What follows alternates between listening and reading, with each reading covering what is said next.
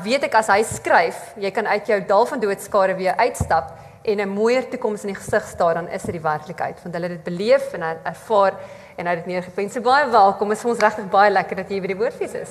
Beneske, dis 'n voorreg en om vir jou te ontdek hierso en vir Simon weer te kan geniet want ek het die voorreg dat Simon is van die beste goed wat uit die Kaap uit in Gauteng aangekom het. En die afgelope dit is die wyn.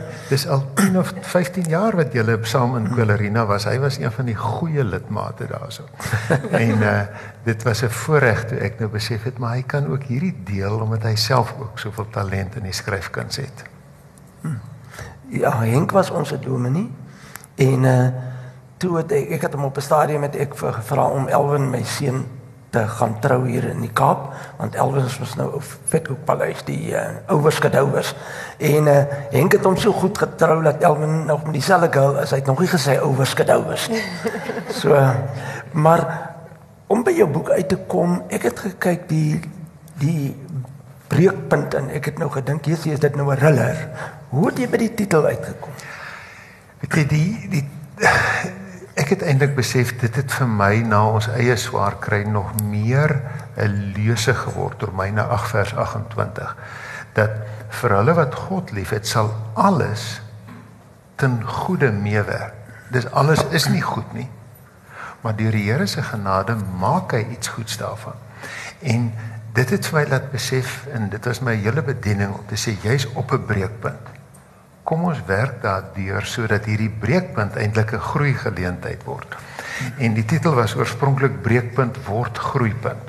Maar eh, so aan kom die titel nog meer 'n trefkrag gegee om te sê breekpunt.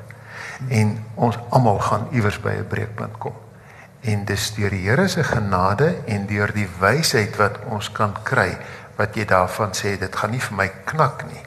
Dit gaan vir my nie waar dit sê 'n baie ryper mens maak en 'n meer volledige mens en 'n baie beter helper. Want na my breekpunt kan ek vir iemand anders wat deur dieselfde ding gaan baie beter help. Want jy weet in jou hart wat beteken dit om daarin te wees. Ek moet sê dit wat jy sê sluit eintlik baie mooi aan in die heel eerste hoofstuk Ek moet julle sê ek het twee klein dogtertjies. En so my lewe is redelik besig, maar ek het hierdie boek gelees van die begin tot die einde. So wanneer ek iets sê, dit het my regtig aangegryp. Ek dink daar's elke persoon wat vandag in hierdie vertrek sit. Jy het al deur 'n breekpunt dalk gegaan of vandag gaan dit dalk baie goed met jou, maar jy kan ook in die toekoms in 'n in 'n situasie kom met 'n breekpunt. So dit gaan vir jou iets beteken of jy ken iemand dalk naby aan jou wat deur 'n breekpunt situasie gaan of of seisoen gaan en ek 100% oortuig amper dat iets in hierdie boek gaan jou aanraak. Kom ons praat gou eers daar voor ek nou kom by hierdie vraag. Jou boek is so geskryf dat daar's 18 verskillende tipes breekpunte of tipes krisissituasies wat jy aanspreek. Hoe het jy besluit op dit? Die lewe is so wyd dit kon 27 hoofstukke ja. gewees het.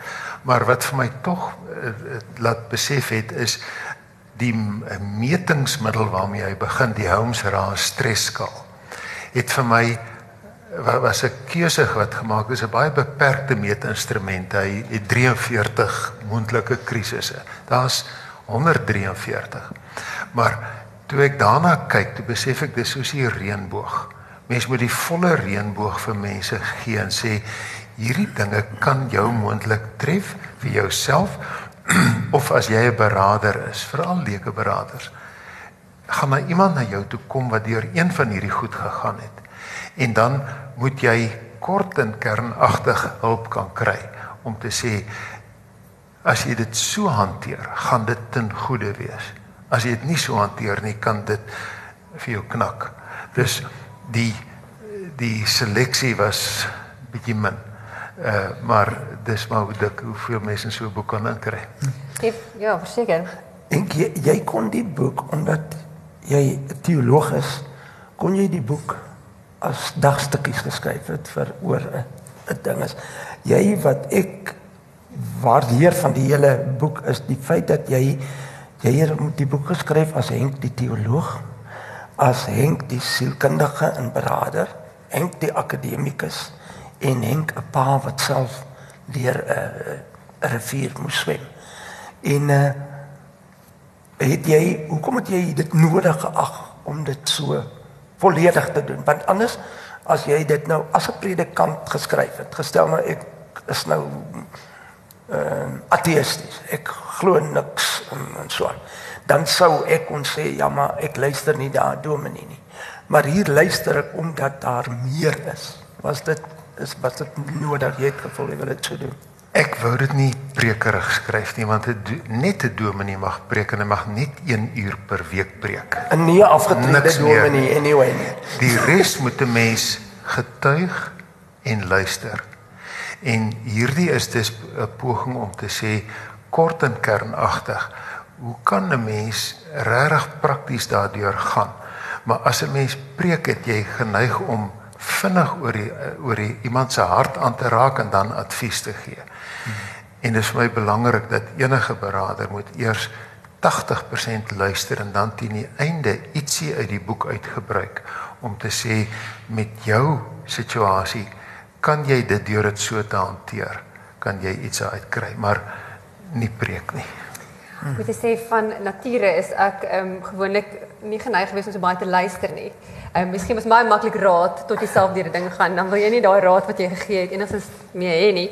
Ehm um, maar hierdie boek was vir my baie goed in terme van die empatie wat jy kry vir mense wat deur bepaalde situasies gaan en jy het nou nou genoem van die skaal, ehm um, net vir ons ehm um, gaste hier vandag. Ehm um, in die boek verwys jy na die dit is die Holmes Holmes raaskaal. Ja. Nou, dit is al reeds in 1967 saamgestel. Nou, wat dit behels is daar's 'n groot klomp mense wat gevra is om hulle um, lewenservarings neer te skryf. En dan is die mees hulle moes dit gelys het oor oor 'n tydperk van 2 jaar en dan moes hulle die mees stresvolle is eh, dan nou gelys het, jy weet, jy moet eintlik vinnig verduidelik net hoe dit werk. Miskien die, die Holmes raadskaal is 'n wonderlike meetinstrument. Uh want dit sê die dood van 'n lewensmaat se gewig is 100 maar om eh, 'n siekte te kry is se gewig is minder, dis dalk 50. En dis die gewig se grootte moet 'n mens raak sien met deernis. Maar dan die wonderlike en die uiters belangrike deel daarvan is jy moet die kumulatiewe effek daarvan raak sien. En dis die doel daarvan dat jy partykeer besef hoe kom knar ek so op my tande en hoekom is ek so knorrig? Tot jy besef maar ek het 17 klein stressors gehad, maar kumulatief is dit so groot soos iemand wat 'n lewensmaat verloor het. En dis verstommend wat mense ontdek. Gister het ek vir 'n klomp predikante die verhaalhuis laat invul. En hulle eie oë het oopgegaan om te sê, "Wow. Ek weet nou hoekom voel ek soos ek voel." Een van hulle het die humor gehad om te sê hy was nou vinnig klaar toe hy dit in namens sy vrou Toe sê my vrou het dubbel dubbel soveel stres as ek. Want en hy sê toe ek is die grootste stresor in haar lewe. Dis maar dis die waarde daarvan jy sien raak ek dra swaarder as wat ek dink en nou sien ek waar kom my swaar dra vandaan en raak sien is die eerste stap van hantering. En as jy iets raak sien dan kan jy sê nou werk ek met die met die ware oorsaak. Ek probeer nie maar blindelings in die ligge probleme oplos nie. Ek wil gaan sê oor iets oor die oor die um, skaal ook wat vir my nogal uitgestaan het is die feit dat die dood van 'n lewensmaat het nou gesê die gewig wat gekoppel word is 'n 100, maar ook as jy 'n kind verloor is dit ook 'n 100 en dan natuurlik in die tweede plek egskeiding, huweliksverlating, tronkstraf en die dood van 'n nabye familielid. En ek weet ons almal ken dalk iemand wat uh, iemand aan die dood moes afstaan en en nou dit toe ek dit lees, dit is amper asof ek selfs nog meer daai empatie kry vir iemand want jy besef net waar deur hulle gaan. Maar hierse wat jy in die in, inleiding van jou boek geskryf het en dis wat vir my so spesiaal is. Jy sê dieselfde krisis kan een mens laat groei en 'n ander een knak. Die verskil tussen maak of breek, tussen knak of groei, is hoe jy dit hanteer en of jy God se genade en wysheid daarin toelaat. Dink jy dit is 'n 'n keuse, 'n soort van 'n ingesteldheid? Dink jy mense word gebore daarmee of dink jy dis iets wat jy aanleer? Dis iets wat vir jou gedemonstreer word. En daarom is 'n pa en 'n ma se lewenskrisis hantering die belangrikste leerervaring vir 'n kind. Want die normale ding is as ek is hou oor my kop kry dan gaan lê ek op die grond en ek kry myself jammer. Maar as ek sien pa en ma het al houe gevat en hulle het swaar gekry gehuil en weer iets anders gedoen, dan doen ek dit ook. En dis belangrik om te besef hoe dat ek deur aan my eie lewenshantering te werk, hoe ek vir iemand anders kan verryk. Weereens nie preek nie getuig. Nie preek vir jou kinders nie, maar demonstreer want die ander ding wat die kyk daar's twee skale in die boek die een is die Holmes Ra skaal vir volwassenes met sy eie gewigte en dan die Holmes Ra skaal vir mense onder 25 nou dis 'n breë spektrum van kleutertjies tot uh, tiener is uh, groot verskil maar die een faktor wat ek raak gesien het is op die tienerskaal is daar baie meer items met 'n gewig tussen 50 en 100 terwyl by volwassenes is daar 7 of 8 items bo 50 na 100 toe. By tieners is daar omtrent 20 30 want 'n tiener het nog nie die lewenservaring nie. Hulle as hulle die eerste keer 'n meisie verloor, dan is dit die einde van die wêreld. Terwyl ons het al geweet die Here as ek iets verloor, die Here gaan weer sorg. Die Here gaan weer sorg en daai angswekkendheid wat 'n kind beleef word vir ons gehelp ons as helpers ons gaan nie vir hulle sê toe maar dit sal regkom nie.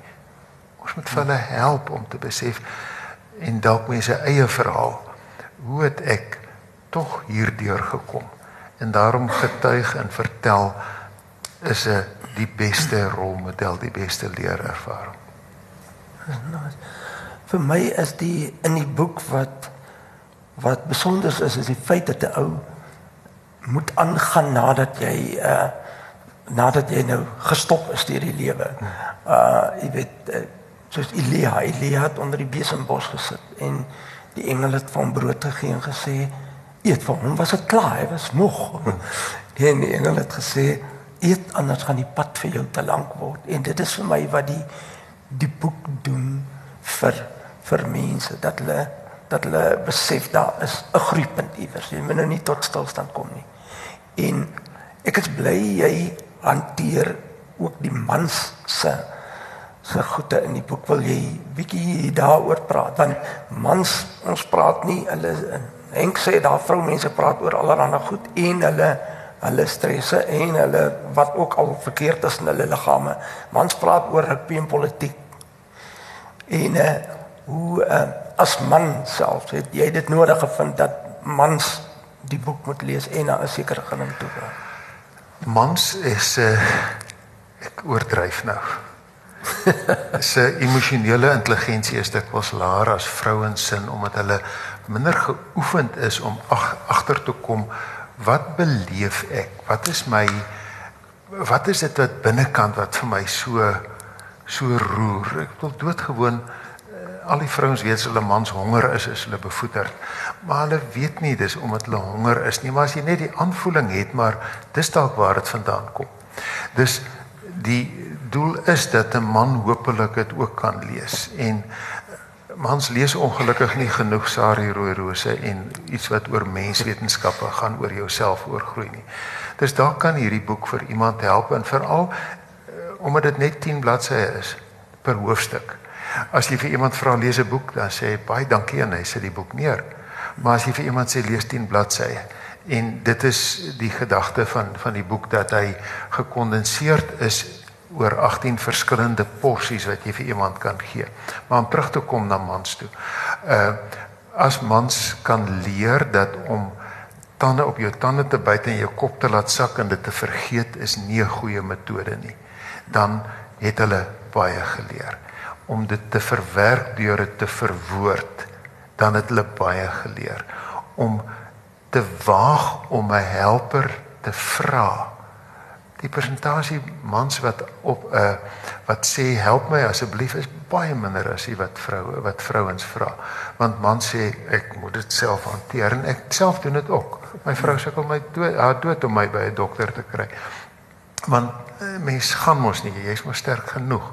En daarom is dit hierso dit ons mag mekaar se laste dra. Dis ek mag hulp gee, dis baie keer makliker ek mag ook hulp met grasie aanvaar. Want die enigste plek in die Bybel waar die Christus se boodskap 'n wettiese iets genoem word. Die wet van Christus Galasiërs 6 vers 2 is dra mekaar se laste. Selfs ek as dominee het gedink daai teks sê ek moet iemand anders se laste dra. Maar dis twee rigting. Ek moet dus sê dra my asseblief vir 'n rukkie, dan's ek weer sterk genoeg. En dis die dis die hopelik die doel daarvan dat dat mense gedra kan word met grasie. 41 jaar se berading. Bring 'n mens um in 'n kantoor of in 'n beradingsopset waar jy baie verskillende dinge deurpraat. Jy praat nou van hulp gee, maar ook hulp ontvang.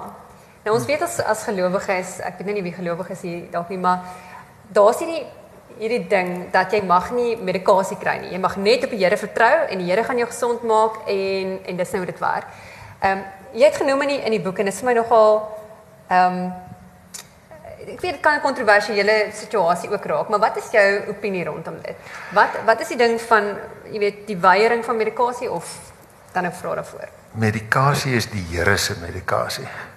Dis as ek na iemand toe gaan, dan sê ek vir hom, "Wat het die Here vir jou deur die menswetenskappe en deur die mediese wetenskap laat ontdek?" Dankie dat die Here dit vir jou laat ontdek het, want nou kan ek dit gebruik. En daai teenstelling van sonder medikasie, dis die Here se werk met medikasie is mense werk is 'n valse teenstelling. En daarom sal moet 'n mens onmiddellik sê as my liggaam iets nodig het om 'n balans te herstel, dan moet ek dit as 'n geskenk uit die hand van die Here ontvang en dan moet ek dit gebruik want dit gaan maak dat ek deur 'n krisis kan kom, dat ek nie geknak word daardeur nie. En kom ons vat net die voorbeeld van antidepressante. Daar's mense wat 'n vreeslike weerstand daar net asof dit 'n 'n geloofs 'n stuk ongeloof is om dit te gebruik. Maar dis die Here se geskenk om vir jou te help sodat die balans in jou brein regkom want die moedeloosheid wat ek hier beleef in die donkerte is nie ongeloof nie. Dit is doodgewone tekort aan serotonien in my breinoordragstowwe. En weer eens as jy iets begryp. Weet jy, as 'n mens iets nie begryp nie, as jou televisie stukkend is en jy weet nie hoe om die ding reg te maak nie, dan vat jy die metode jy klap jou televisie en dink is reg en ons probeer mense baie keer reg klap. Hierdie boek sê vir jou hou op klap en verstaan. En as ek verstaan, dan weet ek ek kan deur fyn instellings te maak, kan ek 'n helder beeld op my televisie kry. En dis verstaan is verstaan met kop en hart. En as ek met kop en hart verstaan, na ek 80% geluister het, kan ek help. Dis die dis die metode. Hm. Jy praat ook uh, in die boek van vergifnis. Ehm um, ons leef in 'n land waar daar verskriklike trauma is. Mense word doodgeskiet en beroof en sulke goed en ek uh daar's altyd iemand nou oor die radio of of op televisie wat sê ek ek vergewe. Ek het eintlik in 'n mate van Riva Steenkamp se ouers gehou dat hulle nie onmiddellik vergewe het nie. Want ons kom daar dan dan sy kind vandag doodgemaak en dan sê ek vergewe. Ek ek vergewe die een en dis nie vir my reg nie. Ek het altyd gedink nee, jy moet kwaad wees. 3 maande kwaad wees. Hoe hoe voel jy oor die kwessie van vergifnis en hoe ons vergifnis hanteer in die boek? Dis vir my 'n verskriklike belangrike hoofstuk daai een oor as vertroue geskaad word of as jy seer gekry het. Hoe pas vergifnis in 'n hele proses in? Want vergifnis is nie 'n disprin. Een disprin en al die, alles is verby nie. Vergifnis is deel van 'n hele komplekse ding en jy's 100% reg. Jy moet eers die pyn beleef. Jy moet eers kwaad wees. Jy moet weet en dit word daar geskryf dat vergifnis is nie een keer nie. As die Here sê jy moet jou broer 70 maal 7 vergewe, moet jy hom partykeer 70 maal 7 vir dieselfde ding vergewe. Want hy het vir my so seer gemaak dat ek vandag vergewe môre is ek weer kwaad. Oormôre is die pyn weer groot.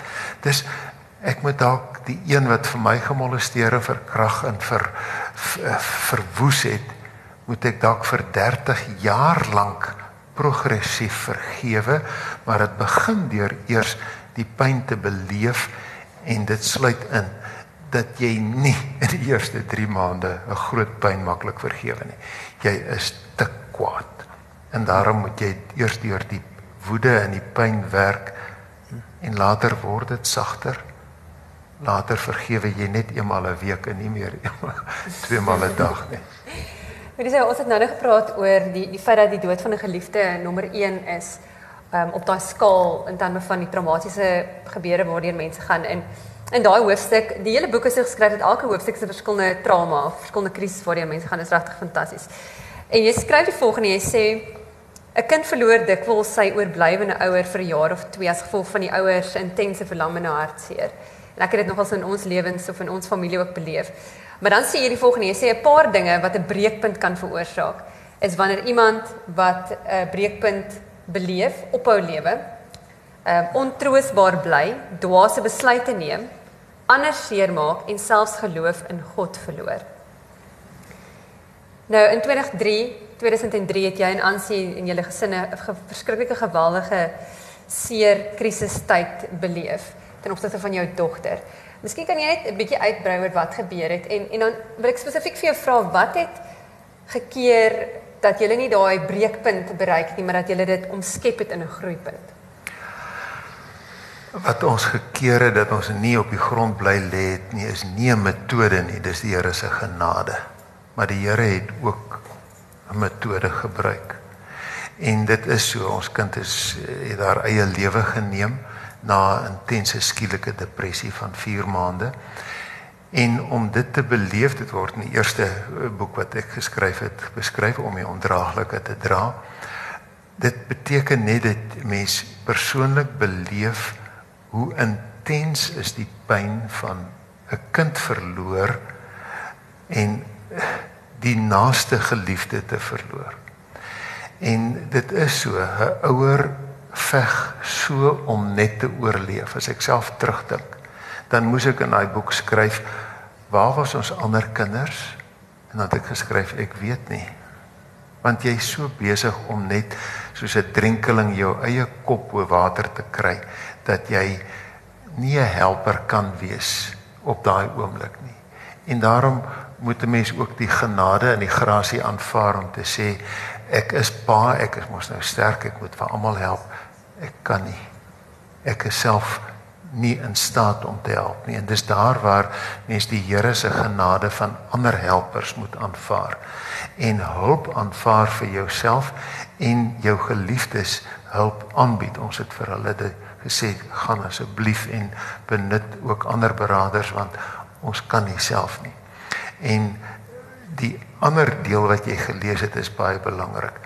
As ek die verkeerde metode volg en kies om nie die Here se genade en sy metode te gebruik nie.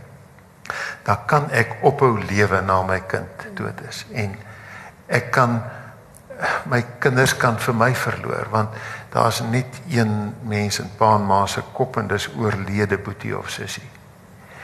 En ons moet fokus op hulle wat lewe en daarom mag jy nie jou ander kinders verloor en afskeep al is jou pyn hoe groot nie. Ek wil net gou hierdie stuk lees want dit is vir my verskriklik mooi en ek dink dit kan eintlik deurgetrek word na enige krisis en dit jy het hierdie geskryf. Jy sê jy moet jou pyn na God toe neem en dit uitpraat in gebed. God verbied nooit trane nie. Hy droog dit net af. En dan het jy ook geskryf gevoelens word uitgespreek wat uitgespreek word kom tot rus, maar gevoelens wat opgekrop word bly ronddraai in jou kop. Ehm um, was daar ooit vir julle geloofsvrae gewees? Het jy het jy en ek en ek neem aan kan dink wat die antwoord is. Natuurlik, want jy's kwaad vir die Here en Job was ook genadiglik kwaad genoeg vir die Here en dit mag neergeskryf in die psalmdigters dit's almal vol kwaad woede vir die Here want hy doen nie wat hy moet doen nie. En in die begin kon ek nie bid nie. Dis in daai tyd moet jy vir iemand anders vra om vir jou te bid. En die Here is al is jy ook kwaad vir hom, is hy soos 'n pa, 'n ma Hy wag tot jy minder kwaad is en maar hy loop nie weg nie. En dis die genade van die Here dat jy dat hy met jou pyn, met jou opstandigheid, met jou protes nie vir jou alleen los nie, maar sê ek bly sit by jou tot jy nie meer kwaad is nie. Het pyn jou gevorm tot wie jy vandag is? Absoluut. Ek kan nie uh, sê dat ek dit jy kan nie dieselfde mens wees na so iets nie. En dit is pynlike vorming. Uh maar ek is dankbaar dat die Here vir my en ek is weer terug by Romeine 8 vers 28 dit ten goeie laat meewerk het. Vir my gehelp het om in my berading 'n ander soort mens te wees, om in my bediening 'n ander fokuspunt te hê, om op die ou end te kan sê dis meer meer is net prediking en 'n persoonlike berading, maar ook skryf wat vir mense dalk tot hulp kan wees. Hmm. Kan ek vra is daar onder u dalk 'n vraagie? Iemand wat iets wil kommentaar lewer of 'n vraagie vra of wat ook al. Voel gerus welkom. He?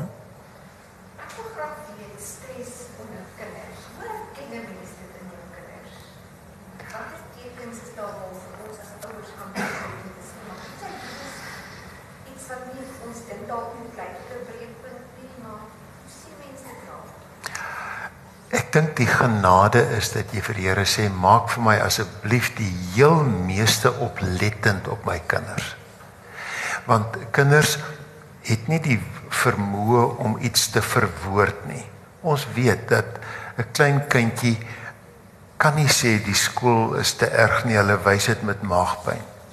Dis en hoe groter jy word, word dit nog steeds op ander maniere gewys. Die prentjie van woede wat 'n ysberg is. Woede is iets wat bo kan die water uitsteek, maar dis net die sigbare deel. Die groot deel is die onsigbare. En as ek net besef by volwassenes en nog meer by kinders, moet ek dus oplettend wees en onder die water soek vir dit wat die die die punt bo die water laat uitsteek. En 'n kind wat sy sussie byt in sy boetie haar boetie afknou en uh seermaak en vir jouself byt. Onthou die uh, ek 'n uh, tiener is die skerpste teenoor die een wat hy die veiligste by voel. Dis ma en pa word die meeste gebyt as daar pyn is na buitekant. Want instinktief weet hulle ek kan maar byt. Pa ma sal my nooit los nie. Hoopelik nie. Mens voel se nou en dan lus daarvoor. Dis as 'n kind jou byt, dan moet jy weet ek moenie kyk na my pyn nie, ek moet kyk na daai een se pyn.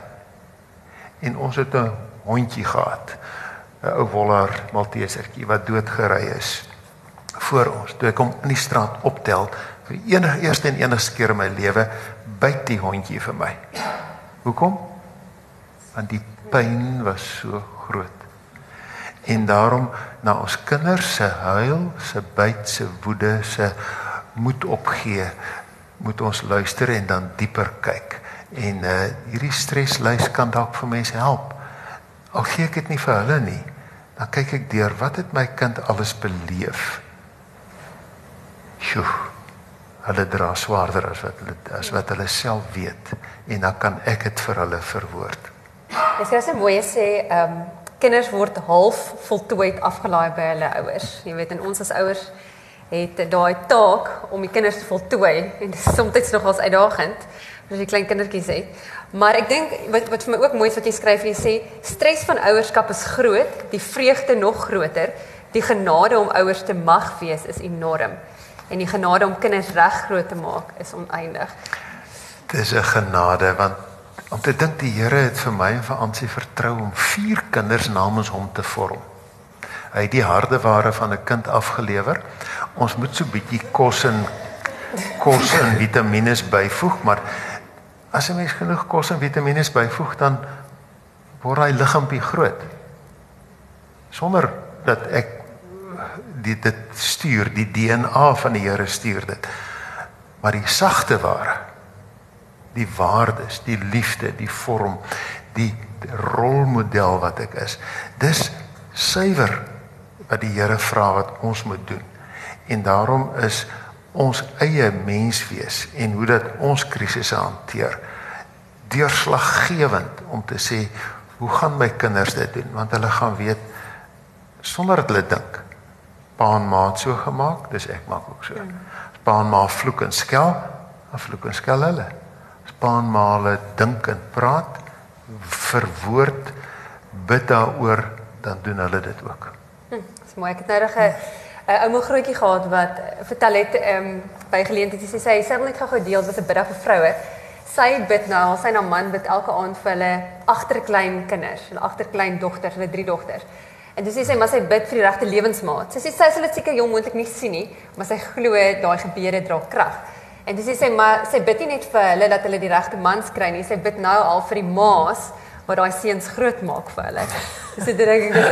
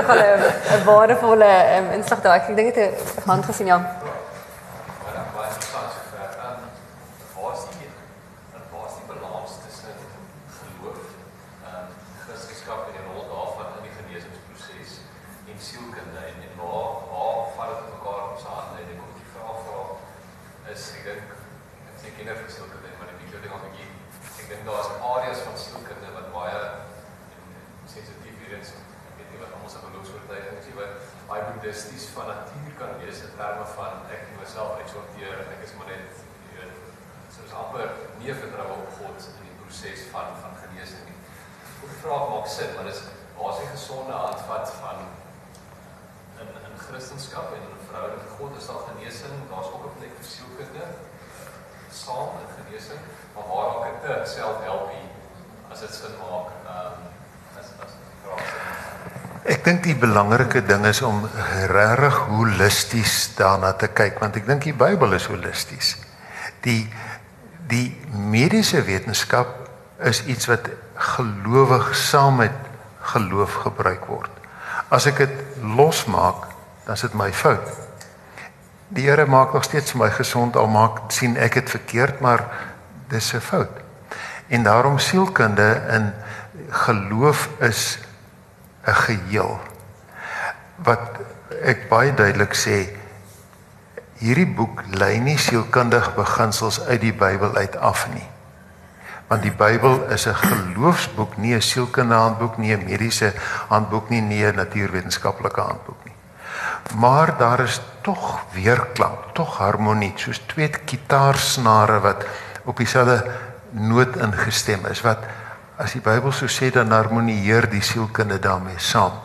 Daar is goed wat in disharmonie met die Bybel is.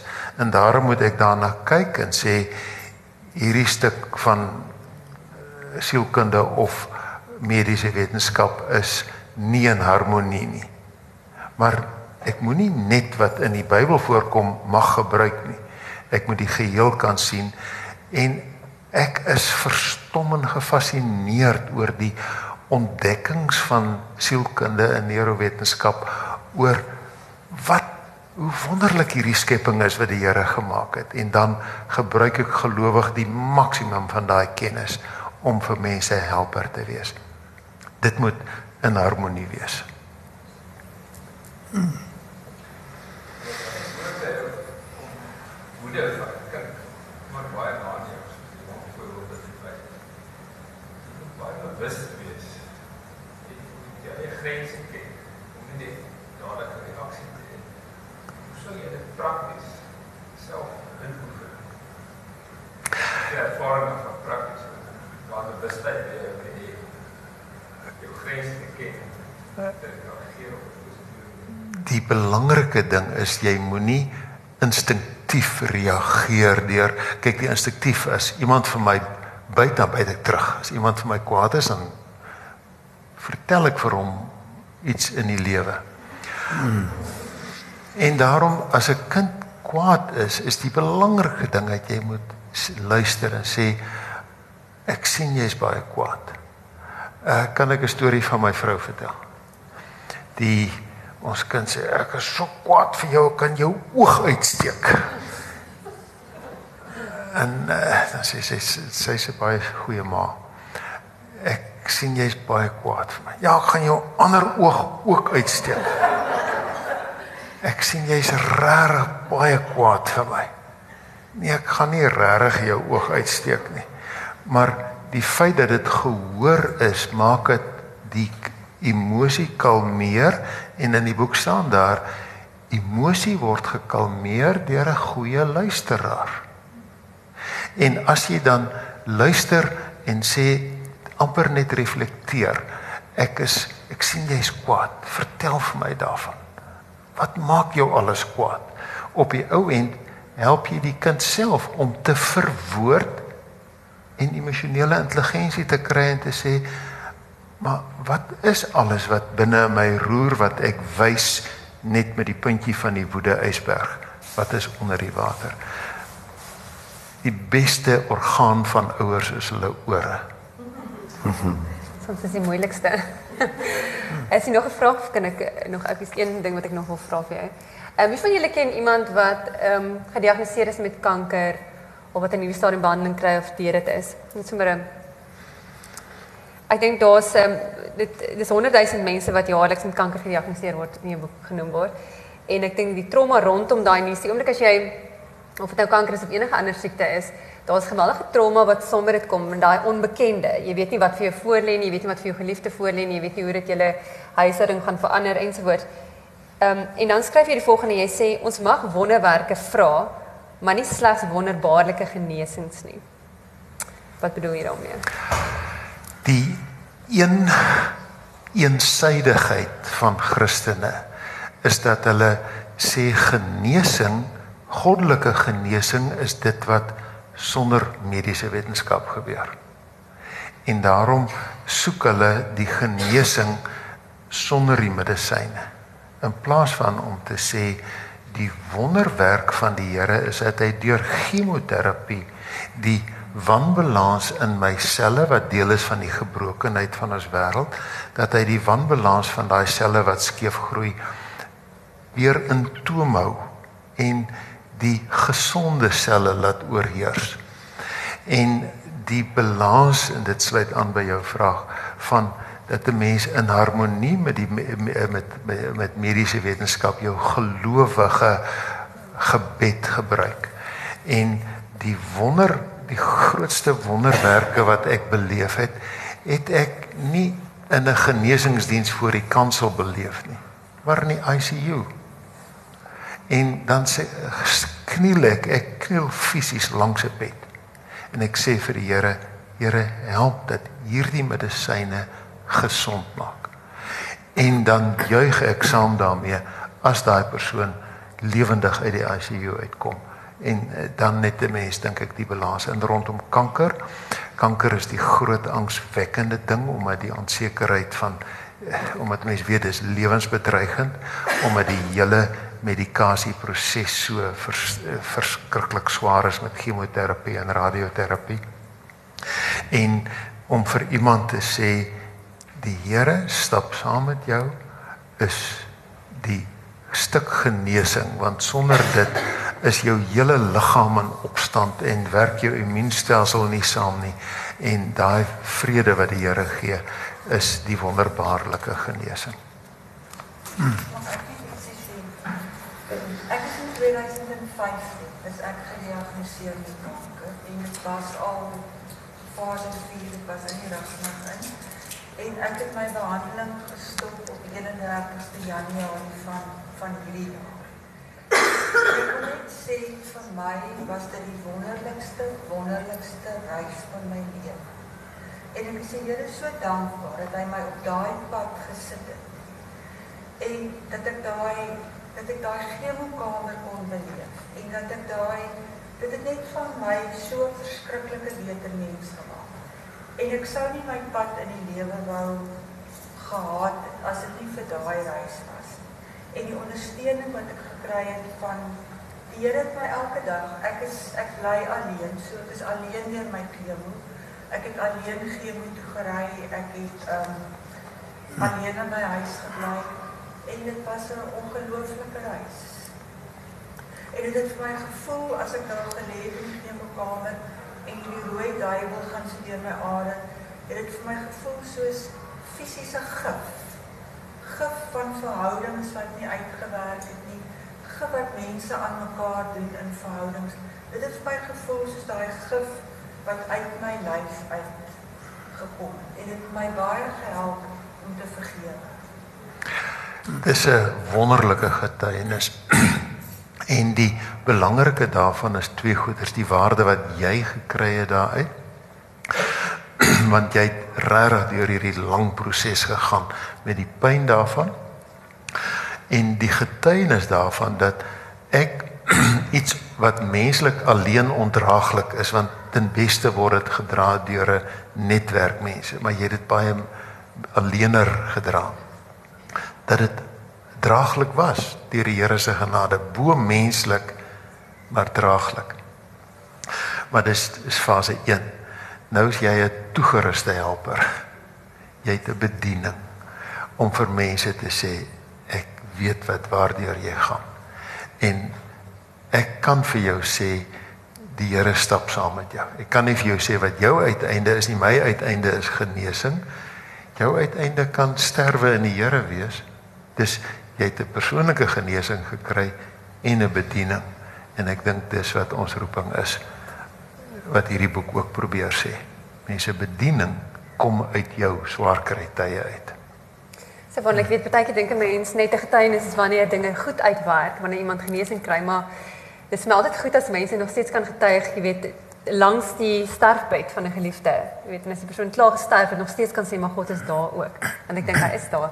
En dit is vir my so mooi as in jou en, en nog heel nie begin van die boek sê jy dit eintlik so mooi. Jy sê een ding oor stres wat 'n gelowige in gedagte moet hou en en stres kan eintlik maar vervang word met die woord krisis en seer en en alles is dat God deel is van die prentjie. Elke situasie van stres is in God se hand.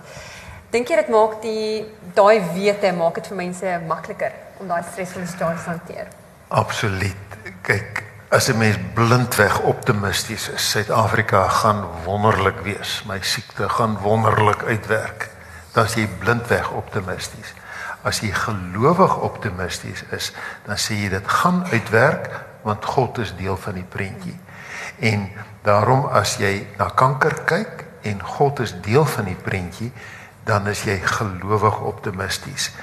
Jy's oop vir wat die Here ook al vir jou gee want hy kan vir jou in soos ek reeds gesê het gelowig laat sterwe. Maar hy is deel daarvan en ek dink daai 'n prent is onvolledig. As jy die wêreld sien en jou siekte sien en jou krisis sien sonder God daarin. As hy daarin is, dan is die prentjie volledig. Hmm. Mense, hier is 'n hele paar hoofstukke in die boek wat hy dit praat oor soos jy nou weet oor gesondheid, trauma en so aan, maar daar is ook as drank of dwelms alles deurmekaar gewy. Uh as as verandering dreig om my te ontwortel, as ek my werk verloor. So hier is vir my uh, verskriklik wyd uh, uh gegaan om uh vir mense te help.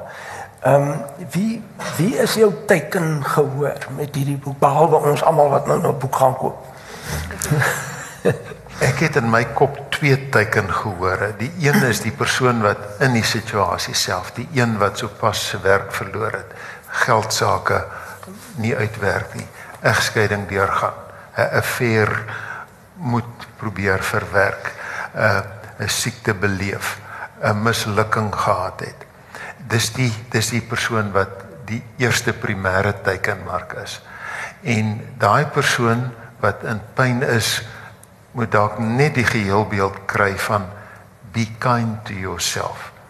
Ek gaan deur swaar kry, ek mag sukkel. En dan die 10 bladsye lees wat oor die unieke swaar kry gaan en sê egskeiding het hierdie en hierdie belewennisse en so hanteer jy dit dat dit minder verwoestend is. So hanteer 'n mens die praktyk van die wetlike prosesse, die praktyk van kinders, die die hele belewenis daarvan, die praktyk van nou is ek seker weer, nou is ek single. Nou moet ek weer dink aan 'n nuwe verhouding. Daai volle hoofstuk kan hopelik vir iemand binne daai paar bladsye 'n geheel beeld gee in 'n happie wat in jou mond inpas. Dis nie 'n dik boek nie. Dis teikenmark nommer 1.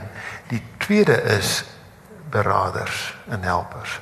En die meeste mense met wie ek gesels is beraders, helpers, predikante uh wat gekonfronteer word met 18 verskillende soorte hulp mense wat na my toe kom en ek is nie toegerus nie want ek min van ons het al deur al 18 daai goeters gegaan. Maar ek moet help. En as jy dan iewers amper 'n naslaan boek kan kry om te sê hier is vir my 'n stukkie begrip daarvoor en onthou dis 'n beginnershandleiding.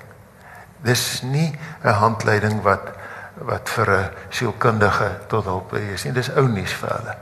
Maar dis kan vir jou die basiese gee en as jy dus die boek het en jy het 'n vriendekring. Gaan jy kort kort vir iemand sê weet jy ehm uh, kom ons twee lees hierdie hoofstuk. Kom ons kyk wat hier en daar is. En nie alles is 'n nommerpas vir daai een nie maar jy kan ietsie daar uit kry. Dis dis my twee teikenmarke die persoon in pyn self en die helpers. Ek dink um, ek wil daar ene byvoeg vir mense soos ek wat nie noodwendig 'n beraader is of 'n of jy weet voltyds dit doen nie. Maar ek onthou toe ons groot geword het, my ouma altyd 'n boek gehad. Ehm um, sy was 'n suster gewees. So dit was van al die kindersiektes en daai was daar nog nie Google gewees nie. So al die moontlike dinge wat met jou kan oorkom, so huisdokter boek wat daar in die rak was. En dan jy enigiets wat moontlik lyk asof dit 'n siekte is, dan gaan soek jy dit mos nou op in die groot dig bindel van die ehm mediese boek. Maar in hierdie geval is dit vir my is 'n boek wat vir jou emosioneel 'n handleiding is. Jy weet jy self is dalk nie 'n kenner op die gebied van om iemand te ondersteun wat soos wat ons nou nog genoem het dalk 'n slagoffer was van trauma of vertroue wat verwoes is, uh, dwelms, drank, dryp, mislukking, daar's daar's regtig baie verskillende areas. Maar jy gaan dalk ernstiger eh, iemand hê uh, wat oor jou pad kom en dan gaan jy wil weet hoe jy hulle kan bystaan op 'n geskikte manier. So dit is my derde kategorie. Vir jou wat nie noodwendig voltyds enigstens 'n broeder is nie, kry daai boek. Dis 'n baie goeie handleiding wat jy in jou boekrak moet hê. Ek het op die oomblik is nie almal vir ons van nature helpers en beraders nie. Maar jy's dalk 'n goeie kok. Dis jy kan partykeer sommer net vir iemand 'n nood 'n bord kos gaan aflewer. En dis ook hulp. En as jy nie self kans vir berading sien nie, gee vir hom die boek. Gee vir hom daai paar bladsye om te lees. En dan het jy klaar gehelp. Dis dis dis die hulp wat jy verleen. Ja, ek wil regtig ook vir die mense sê veral vir mans koop die boek vir jou man en moenie nou wag tot Vadersdag nie, dit is te ver. Uh, uh, uh, uh, uh, jy kan om daai tyd maar Hugo Boss of iets koop. Koop hom nou vir Paasnaweek. Jy sien daar was dit was vir my het toe toe ek die goed oor mans gelees het, was dit my interessant. God het 'n man gegee wat in paastyd uh gehuil het in Getsemane. Hy was geslaan, hy was gekruisig en hy het triomfantlik opgestaan. En vir hierdie die boek kan ook help vir mans om te sê jy het die reg om in jou Getsemane te huil. Jy gaan slaag kry. Jy gaan dalk in die openbaar verneder word maar en dan is jy by 'n breekpunt, maar laat dit vir jou 'n groeipunt wees. So uh, koop die boek en sommer vir jou broer en sy seun en oudste seun en goed. En uh, en ja, dat dat dit mense help. Ek dink ook daar's baie mense in die in in kerke wat nie soos ek sê wat nie so gefestig is soos groot kerke wat nog vreeslik gefestig is nie. Daar is ander mense, ouderlinge en goed wat moet berading doen en wat nie noodwendig daarvoor opgelei is nie. Hy's 'n ouderling gekies omdat hy goed hy's elke Sondag in die kerk en so aan. En maar tog gaan mense na hom toe want hy's die ouderling en en ek dink die boek kan verskriklik baie help vir mense. Dis regtig so, dis 'n helpersboek. Ek wil nog iets sommer net byvoeg wat ek beleef het as 'n stuk genade van hoe die Here vir mens verryk om oor goed te skryf wat jy 'n jaar gelede van niks geweet het nie. Ehm uh, byvoorbeeld in die hoofstuk oor egskeiding word daar sal julle sien daar's 'n klomp regsadvies. En is te, na my aftrede het ek 'n kursus geloop oor mediasie om vir mense deur egskeiding te help. En skielik kry ek uit 'n bron uit 'n klomp kennis wat vir iemand kan help prakties op regsadvies. Ek die Here het vir my klomp helpers gegee. Die hoofstuk oor swangerskap en kinders wees Ek weet niks van swangerskap af nie, maar my vrou weet alles daarvan af. Dis wat daar staan kom nie van my af nie. Dit kom van haar af en ek wil vir haar dankie sê aan sy jy het hierdie boek inhoud gegee. Jy's 'n spesiale mens. Baie dankie van uitgewerskant af Simon, Beneske en Dr. Henk Gous. Dankie dat julle kom luister het en ons vertrou regtig dat van hierdie woorde weer klop in jou hart staan vind en um, dat daar 'n handleiding is. Ons is dankbaar dat daar bronne is. Dankbaar, dankie vir die versekering dat um, ons ons mag twyfel, ons mag kwaad wees, ons mag stres hê, maar dat daar vir ons help is, dat daar hulp is en dat daar hoop is. Want dit is die doel met hierdie boek om vir ons elkeen te kom sê, daar is hulp en daar is hoop. Ag, mag ek ook net tot seën wees die gesprek. Baie Hmm. dankie jy. Sien wat Goed. Ja, ek wil net weet waar kry my vriende wat nou hier so die boek nou dadelik. Moet hulle boeke tent toe gaan of as hy Sal ek vir jou teken as daar van julle is. Ons het net 'n paar minute oor voordat die vertrek weer gebruik moet word, maar Renke is beskikbaar as jy 'n goue boodskapie vir iemand wil skryf. Baie dankie daarvoor. Dankie. Dankie. Waardeer. Simon.